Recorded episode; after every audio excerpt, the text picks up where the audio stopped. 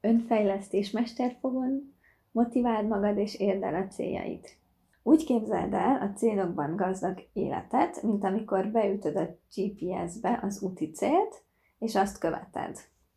Tehát úgy is beülhetsz a kocsiba, hogy követed a GPS-t, és eljutsz A-ból B-be a legrövidebb úton keresztül, vagy pedig úgy is lehet kocsikázni, hogy beülünk, és megyünk, és kocsikázunk. Megyünk körbe-körbe. Mind a kettő jó, de az egyiknél eljutsz A-ból B-be, a másiknál pedig nem. Tehát, ha vannak céljaid, ha célok szerint élsz, akkor el fogsz jutni A-ból B-be. Hogyha nincsenek céljaid, akkor pedig csak sodródsz. És nem csak az a fontos, hogy felállítsunk célokat, hanem az, hogy azok a saját céljaink legyenek. Ehhez írtam egy cikket, az a címe, hogy kinek a létráját másszuk. Képzeld el, hogy elromlott a háztetőd, és odaállítasz egy hatalmas létrát, és felmászol rá rekordgyorsasággal, és ott állsz a ház tetején, és észreveszed, hogy ez nem a te háztetőd, hanem a szomszédé. És ez jellemző azokra az 50-60 éves emberekre, akik kari- a karrierjük csúcspontján vannak, de valami mégis hiányzik az életükből, nem boldogok, mert nem a saját létrájukat mászták, nem a saját céljaikat valósították meg. Ezért nagyon-nagyon fontos, hogy, hogy a lélek által vezérelt célokat kövessük, és ne olyanokat, amik által meg akarunk felelni valakinek. Tehát ezért nagyon fontos újra és újra visszatérni a saját céljainkra, újra és újra megkérdezni magunktól, hogy, hogy milyen célokat szeretnénk megvalósítani. Mert lehet, hogy amit tegnap kigondoltál, az ma már, már, a, ma már nem is tölt el téged lelkesedéssel. Tehát mondhatni, hogy a céljaink minősége az meghatározza az életünk minőségét. Tehát külön-külön érdemes megvizsgálni a céljainkat, hogy melyek az ego, az egónk vezérelte célok, és melyek a lelkünk vezérelte célok. Ami még nagyon fontos a célok, a célok meghatározásánál, hogy merjünk álmodni.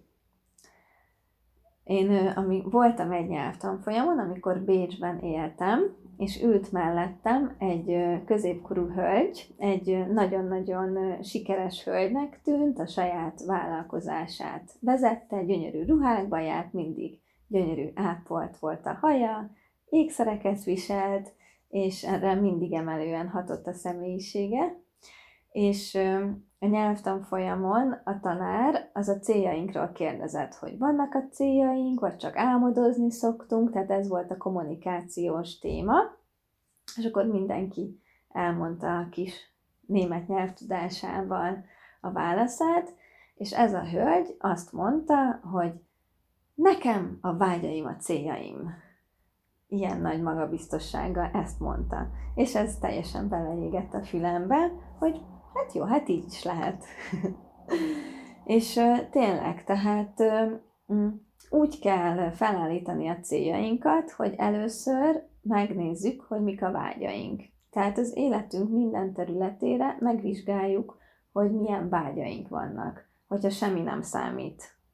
Semmi nem számít, milyen vágyaink vannak az életünk minden területére, mint hogy család, párkapcsolat, mm, karrier, pénzügyi helyzet, egészség, tehát mindenhol megvizsgáljuk, hogy mi az, amire igazán vágyunk, és ennek értelmében állítsuk fel a céljainkat.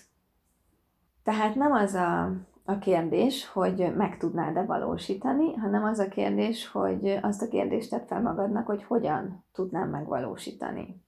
És, ez, és folyamatosan tréningez magad. Tehát azzal, hogy elképzeljük a célunkat, a vágyunkat, azzal, mm, azzal közelebb vagyunk a megvalósításához. Tehát ha már el tudjuk képzelni, akkor az azt jelenti, hogy képesek vagyunk rá, mert különben nem tudnánk elképzelni.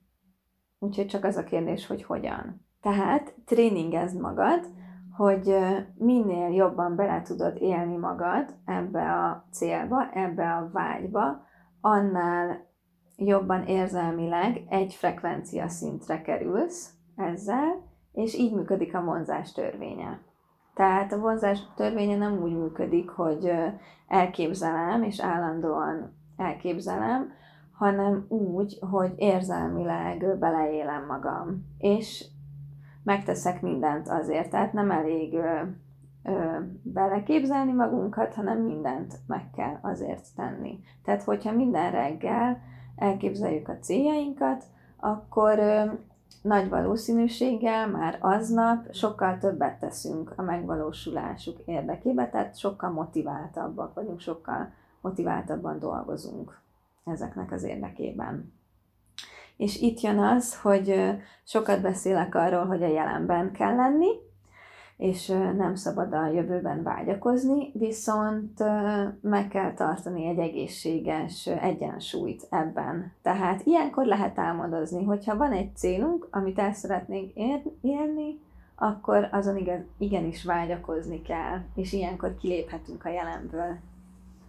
A célok kidolgozásánál az a fontos, hogy miután meghatároztuk a vágyainkat, mondjuk mit szeretnél, hol szeretnél lenni tíz év múlva, mondjuk egy hosszú távú vágyadat, akkor utána innen elkezdünk visszafele menni. Tehát erre csinálunk egy célt, hogy tíz év múlva ezt és ezt szeretném, és akkor jövünk visszafele. Tehát 5 éves cél, 3 éves cél, 1 éves cél, 6 hónapos cél, 3 hónapos cél.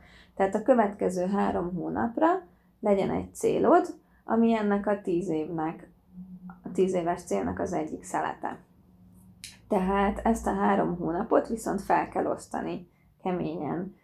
Hónapokra, hetekre, napokra, órákra. A sikeres emberek minden percüket beosztják. Tehát az életet minden területére állíts, állíts fel egy éves, három éves, tíz éves célokat, és akkor mindegyikre állíts fel három hónapos célokat is.